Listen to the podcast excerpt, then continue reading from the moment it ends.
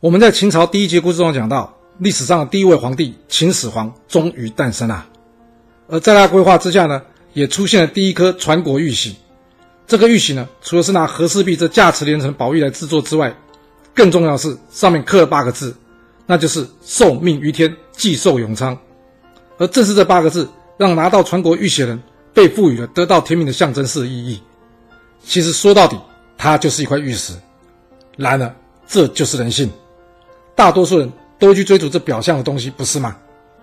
历史刻画着人性，了解人性，就能让自己有着不同的视野判断问题。您说是吧？